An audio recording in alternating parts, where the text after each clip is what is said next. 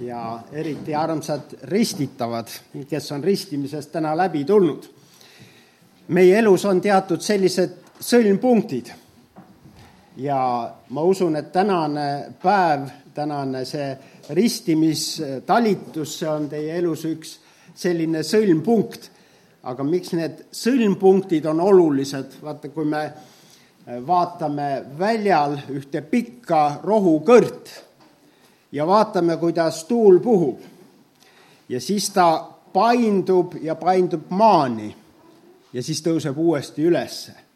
ja sellepärast, et seal on need sõlmpunktid iga natukese aja tagant ja need annavad selle painduvuse, nii nagu meie oleme oma elu võitlustes, me võitleme, aga on vaja neid julgustavaid punkte, on see siis meie pöördumine, on see siis ristimine, on see võib-olla meie laulatus või, või mis tahes, mis annavad selle äh, painduvuse sind eluvõitlustest läbi minna. ja nii nagu Toivo siin juba ütles, äh, meil on äh, sidemed mm, Kirsika kaudu siis teie kogudusega ja tahakski täna pisut tagasi vaadata nendele asjadele, mis on varem toimunud. täna me oleme siin ristimistalituse juures olnud, täna me oleme midagi uut kogenud, aga kõigele sellele on ka üks alus juba varem paika pandud. kasutan ka seda võimalust et on tervitused Annelinna koguduse poolt, kus ma äh, Tartus äh, olen pastoriks ja samuti meie Lõuna-Eesti äh, lõunapiirkonna koguduste poolt.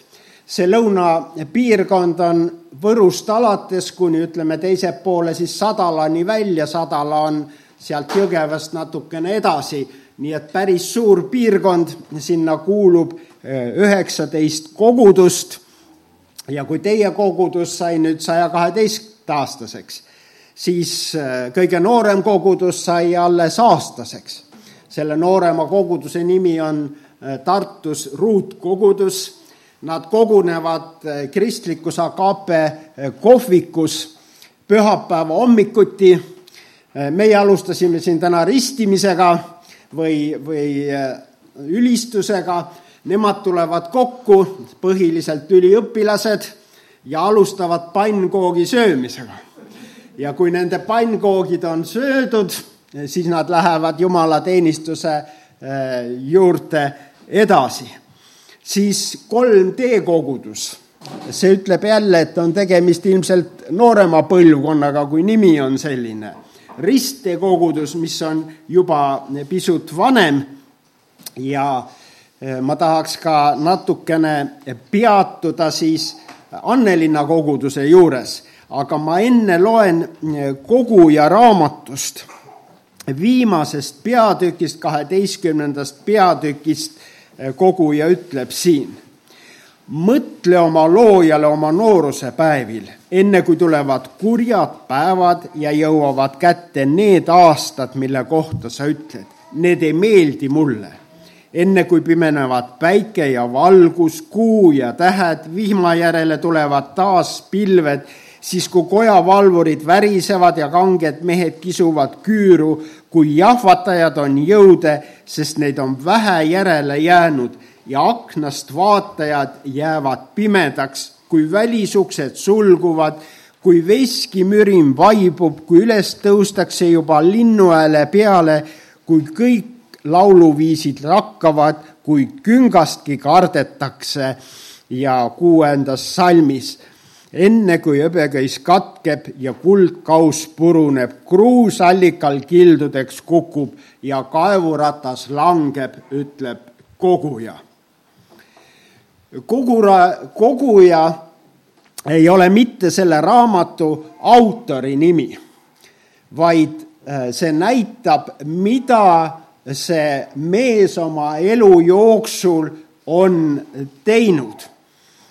kui me tagasi vaatame, siis ma mõtlen, et nooruses vähemalt, me oleme kõik midagi kogunud. omal ajal marke koguti palju, mina kogusin näiteks tikutoosi etikette ja, ja kõikvõimalikke asju me inimesed armastame koguda tänapäeval on need kogud vähe suuremaks läinud, kes kogub vanu autosid, kes kogub kulda ja hõbedat ja kõike nii edasi. aga eh, siin see mees kogus tarkust ja, ja tal õnnestus see nii hästi, et see on jõudnud piibli kaante vahele. ja kui me siin lugesime tema tarkust, siis ta ütleb siin, et mõtle oma noor, loojale nooruse päevil. kõik, kes ma arvan, juba keskikka või kaugemale oleme jõudnud, siis me imestame, et kuidas see noorus tõesti nii kähku mööda läheb. ja siin äh, nüüd koguja ütleb, et ühel hetkel päike pimeneb. see tähendab siis seda, et ega see päike päris ära ei kao, aga silmad jäävad kogu aeg viletsamaks ja veskimürin vaibub. see tähendab seda, et, et enam kõrvad ei kuule igasugust äh, mürinat ja igasuguseid äh, kõrgusi. tõused linnu hääle peale, eks see on niimoodi, et hommiku vara ärkad juba üles, lapsena magasid hea meelega kas või lõunani välja. kargad, kardad küngastki mis sellest künkast karta, aga vaata, kui jalg sinna taha jääb, siis ei, ja ei tõuse nii palju, siis on juba raskusi selle liikumisega. ja, ja miks ma sellest kõigest räägin, ma räägin seda sellepärast, et Annelinna kogudus on selle poolest praegu üks eriline kogudus, et ta alustas tööd kakskümmend üheksa aastat tagasi Tartu seminarihoones. ja kuidas see seminarihoone sinna Tartusse tekkis? mitmed teavad sellist venda nagu vend Roosimaa Peeter, kelle südameigatsus oli, et meie äh, noorem põlvkond siin Eestimaal Nõukogude aja lõpul võiks saada usulist haridust ja, ja tuleksid uued pastorid ja uued töötegijad ja ta kolis Rakverest Tartusse elama ja sinna Annelinna serva. ja, ja seal äh, siis sai ostetud üks äh, plats, see oli Heinamaa. Roosimaa Peeter hommiku tõusis ülesse ja läks ja jalutas seal Heinamaa peal ja palus, et Jumal luba, et see oleks üks paik, kus saaks noored õppida Jumalat tundma ja kus sind võiksid uued äh, Jumala riigi töötegijad välja tulla. ja luba, et siin võiks olla ka üks hospiits, kus need noored, kes õppima tulevad, äh, õpiksid ka vanade inimestega ja eakatega läbi käima. ja selliselt Jumal kinkis selle võimaluse, et kolmkümmend aastat tagasi sai see seminarihoone seal Tartu serva peal valmis ja sinna tulid paljud õppima ja, ja elama esialgu, hiljem jäi see selliseks kaugõppe vormiks. aga küll selle hospiitsi jaoks oli maa olemas, aga see projekt jäi teostamata. ja nüüd on läinud mööda kakskümmend viis aastat ja meie liidu juhtkond leiab, et selle õppeasutuse peaks viima Tallinnasse. tagantjärgi vaadates on see selles mõttes olnud hea samm, sest see õppeasutus on edasi kasvanud, nüüd on juba kõrgharidust võimalik seal omandada. ja teine mõte, mis uuesti üles kerkis, oli see, et sellest seminarihoonest võiks saada üks vanadekodu, kristlik vanadekodu. ja kui me nüüd tagasi vaatame, siis üks mees oma visiooniga jalutab seal Heinamaa peal ja, ja Jumal kuuleb seda palvet. aega läks, alguses seminar ja veel läks kolmkümmend aastat ja tänasel päeval on seal hooldekodu, kus on praegu sada viiskümmend eakat, sada kolmkümmend eakat inimest. ja nüüd kui loodi see seminar, siis loodi ka sinna Annelinna kogudus ja seal olid noored inimesed. Nad käisid oma eksameid seal tegemas, jumalateenistusel eksamijutlusid pidamas, peeti teoloogilisi kõnesid ja nii edasi. Ja nüüd seesama Annelinna kogudus eelmine sügise kolis tagasi sinna majja, sinna vanade kodusse oli noortekogudus, tulid noored mehed, noored inimesed ja nüüd eh, me õppisime ja hakkasime õppima seda eh, eluringi keskuse eh, tööd. Meie jumalateenistused ei ole sellised nagu teil siin täna või, või nagu võib-olla siin teistes Võru kogudustes, vaid esimene, millest me alustame me läheme sinna maja peale ja aitame inimesi suurde saali tulla. keda on vaja toetada käe alt, kes tuleb oma rullaatoriga, meie reavahed on nii suured, et inimesed mahuksid sinna rullaatoriga sinna vahele ja kes tulevad siis äh, ratastoolides toome neid inimesi, me jätame saali keskele pool osa, kuhu siis äh, ratastoolidega inimesed saavad tulla ja selliselt me teeme ka jumalateenistused äh, kusagil tunniajased, kus siis on laulu, kus siis on kõnet, sest lihtsalt paljud inimesed ei pea seal pikemalt vastu.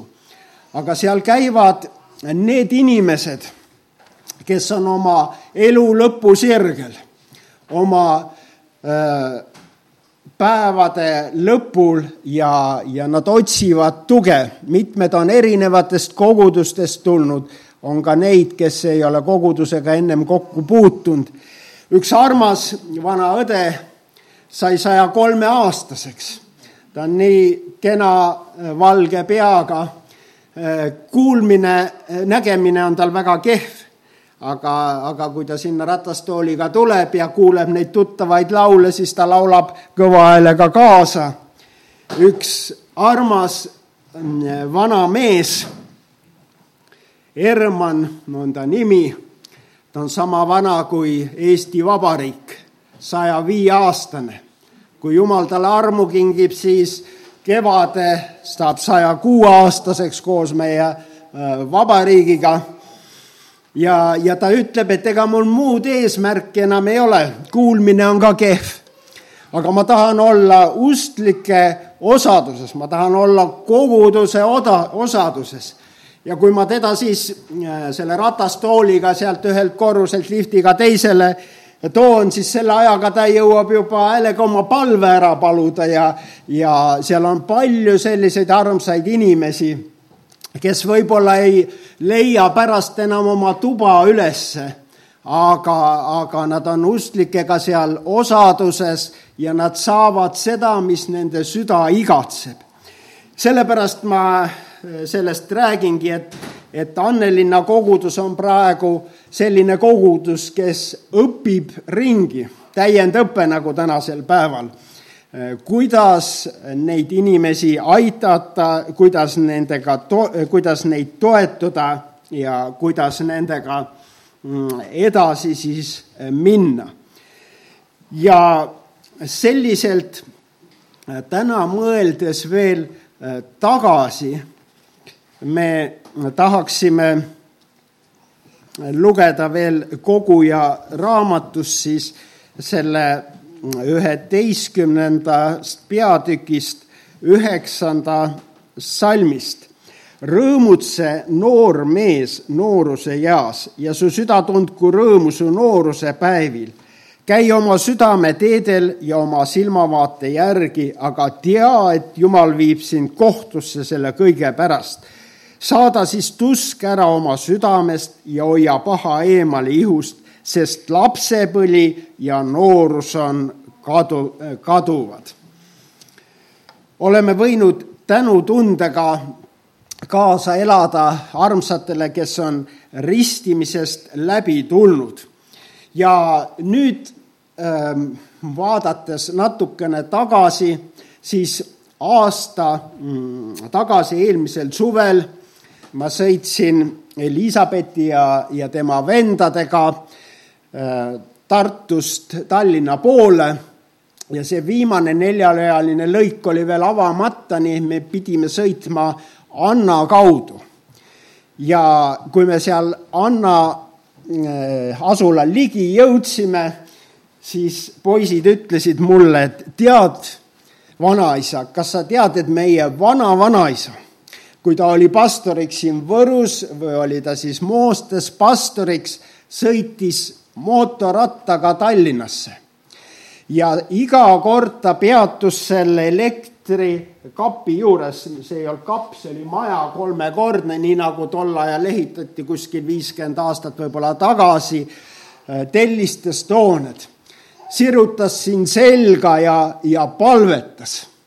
Ja ma siis küsisin Siimu käest, Toivo venna käest, et kas sa mäletad seda.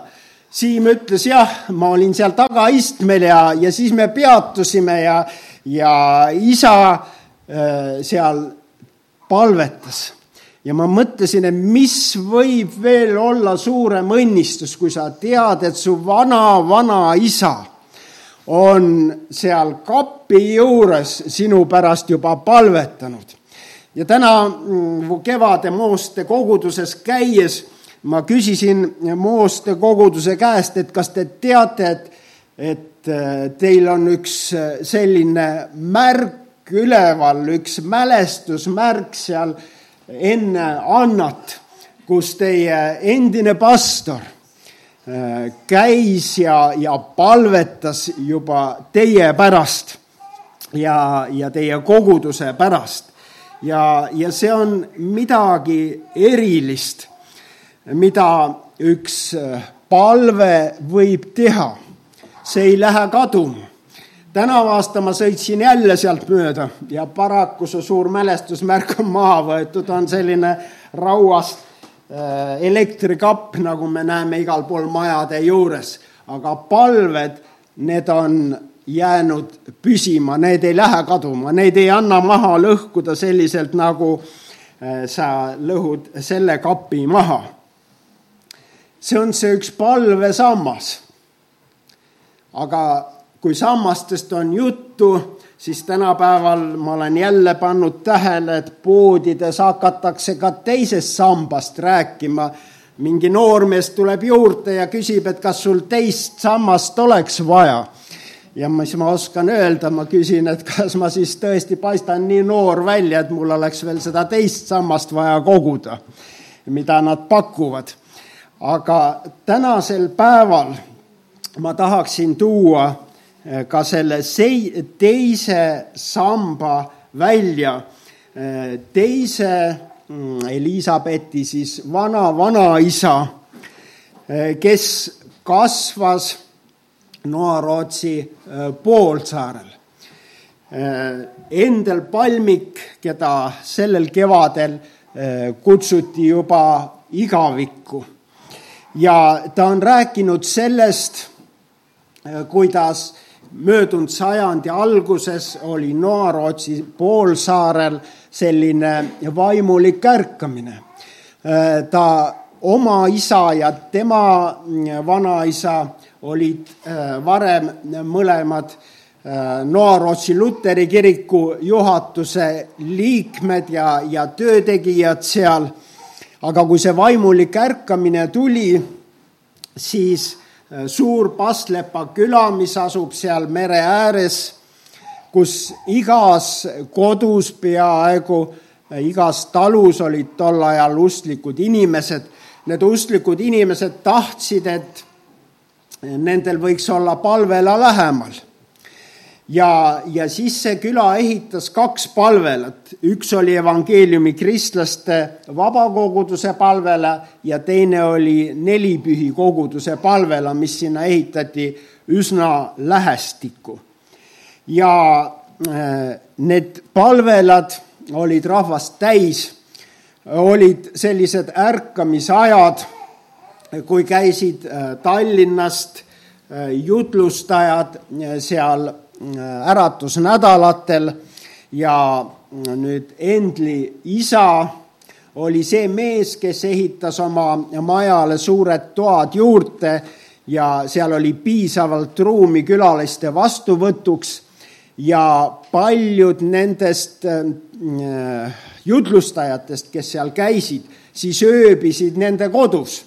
ja see oli ka lastele üks põnev aeg, sellepärast et äratusnädalad toimusid jumalateenistused õhtuti ja päeval ei olnud äh, pastoritel väga palju ülesandeid ja nad said lastega seal mängida. ja pealegi tehti veel paremad toidud, kui külalised olid tulemas ja, ja see oli ka lastele üks selline meeldejääv aeg. Ja need kaks kogudust seal mm, eriti peeti äratusnädalaid evangeeliumi kristlaste koguduses, seal käidi, käisid mitmed vennad, keda tänagi veel mäletatakse ajaloost. Nad ööbisid siis mm, selle Elizabethi vana-vanaisa kodus ja kui jumalateenistustel tulid päästmisele noored inimesed, siis Mm, seal koguduses oli suur koor äh, ja laulutöö, aga üks probleem tekkis, koorijuht oli kohalik direktor, koolidirektor. ja sellepärast vaikselt need, kes seal said siis päästetud, läksid nelipühi kogudusse ja nelipühi koguduses oli jälle suur noortetöö ja mõlemad kogudused tegutsesid ja, ja jumal õnnistas seda tööd. aga lisaks kõikidele mm, külalistele, kes seal käis, tuli ka äh, meile äh, tuntud äh, prohvet sinna külla, Reits, prohvet Reits ja temal oli kogudustele üks üsna karm sõnum. Kui väljast paistis kõik selline kena olevat, siis äh, prohvet Reits äh, ütles mõlema koguduse kohta, et varsti need kogudused suletakse, need jäävad inimestest tühjaks, siis võetakse need ära koguduse käest, sinna tehakse laod, hiljem see maa küntakse üles ja, ja need palvelad lõhutakse maha. kuna kogudustesse oli tulnud äh, valeõpetus ümberristimisest, siis koguduse vennad ei lubanud seda äh, kantslist rääkida, aga see sõnum anti edasi ja üks noor vend, kes siis ühel õhtul palvelast tulles koos äh, Karl Reitsiga tuleb sealt üle põllu Endli kodu juurde. see noor vend küsib siis selle prohvet Reitsi käest, et aga kus sa seda kõike tead? ja, ja prohvet Reits ütleb, et Jumal ütles mulle. Kui sõda algas, seal poolsaarel olid äh, enamus Äh, Rootsi äh, rahvas, Rootsi pered, siis sakslane andis nendele võimaluse Rootsi ära minna.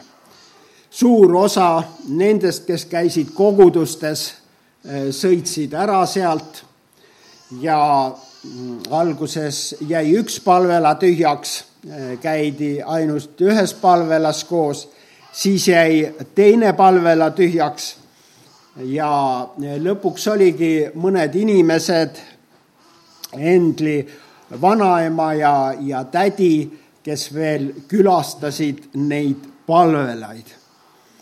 aga kui tuli juba sõja lõpufaas ja uuesti venelane tuli sisse, siis hakati sealt saarelt põgenema Endli isa Johannes oli hea puutöömees, ta tegi endale selle maja, tegi mööbli, kõik, mida vaja. ta ehitas ka paadi valmis, millega siis äh, põgeneda Rootsi. Neid paate tehti vaikselt rehealustes, ööse võeti seinad maha, pandi paadile rattad alla, lükati mere äärde ja, ja selliselt püüti pimeduses jõuda nii kaugele, et piirivalve neid kätte ei saaks. Endli isal oli paat valmis tehtud, aga jumala mehena ta otsis jumalalt selgust, kas minna ära või, või mitte minna. ja ta palus selliselt, et nendel oli kolm last. et jumal, luba, et lapsed oleks selleks kaalukausiks eh, meie mm, perekonnas. ta abikaasa oli rootslane, oskas rootsi keelt. Eh, ta ise ei osanud rootsi keelt ja, ja selliselt nad seisid siis Jumala ees, kutsusid oma lapsed kokku ja kõik kolm last otsustasid, et nemad tahavad jääda Eestisse siia Noarootsi edasi selliselt anti see paat ära. see paat sõitis põgenikega äh, tuulajast ta Soome randa, paat ise purunes, aga need inimesed siis pääsesid. Äh, kui nüüd edasi seda Endli elukäiku vaadata, siis seitsmeteistaastaselt viidi ta Siberisse, seitse aastat oli ta Siberis, sellest võiks äh, pikalt rääkida aga, aga see oli midagi, mis oli äh, sellist, mis oli ikkagi Jumala vastus selle vanaisa palvele. ja nad ütlesid ise, et, et kordagi hiljem keegi, äh, kuigi terve pere viidi Siberisse, ei kahetsenud seda, et nad sellise otsuse tegid sest nad tundsid, et see otsus on Jumala äh, poolt määratud. ja selliselt eh, Jumal on valmistanud palvete kaudu eh, ette ja, ja toetanud nende inimeste eelnevate põlvkondade kaudu seda nooremat põlvkonda. Eh, kui Kirsika ja tema õed veel nooremad olid ja nendel mingid mured olid siis esimene, kellele nad helistasid, oli vanaisa, sest nad teadsid, et vanaisa palvetab nende eest ja see oli niivõrd oluline. ja, ja täna me võime näha seda aluspõhja, seda kahte sammast. Üks sammas, mis on teeklite poolt rajatud, palvetes sinna esile toodud. Ja teine sammas, mis on siis sealt palmikute suguvõsast põlvkond põlvkonna järgi üles ehitatud ja, ja sellele noortele elule aluse pannud. see ei tähenda, et raskusi ei oleks, probleemid tulevad, aga need sõlmpunktid on need, mis meid julgustavad. ja kui ma käisin äh, kevade Mooste koguduses, siis ma rääkisin ka nendele, et teate, teil on ju see sammas seal, mis on mälestuseks, kus, kus on teeklid seal palvetanud, teile õnnistust soovinud ja praegune noor pastor Rando Kangro siis näitas, ta tegi Mooste kogudusse sellise väikese raamatukogu, seal oli raamaturiiul ja, ja seal oli siis Eh, minu isa ja ema eh, pilt nende kroonjuveeli pulmast, see on siis kuuskümmend aastat ühist abielu. ja, ja ma olin natukene üllatunud, et Mooste koguduse riiul ja, ja minu vanemate kuldpulma või see kroonjuveeli pulma pilt seal. ja siis see noor pastor ütles, et, et see pilt kingiti meile see oli meil ennem kodus kapi peal, aga nüüd me tõime selle siia, siis see tuletab meile meelde, et elu lõpuni on võimalik koos elada. ja see oli mulle üllatus. Noor, noorema põlvkond enam ei mõtle niimoodi, et elu lõpuni on võimalik koos elada, aga see on Jumala arm. Ja, ja ma usun, et Jumal kannab ja ta kannab eh, nende palvete läbi, mida me sageli ei tea. me sageli ei tea, kes meie eest on palvetanud milline aluspõhi meile on ehitatud põlvkondade kaupa, aga see on eriline õnnistus. ja koguja võtab oma targa raamatu kokku siin viimase salmiga. karda Jumalat, pea tema käske, sest see on iga inimese kohus, sest Jumal viib kõik teod kohtusse, mis on iga salajase asja üle, olgu see hea või kuri Amen.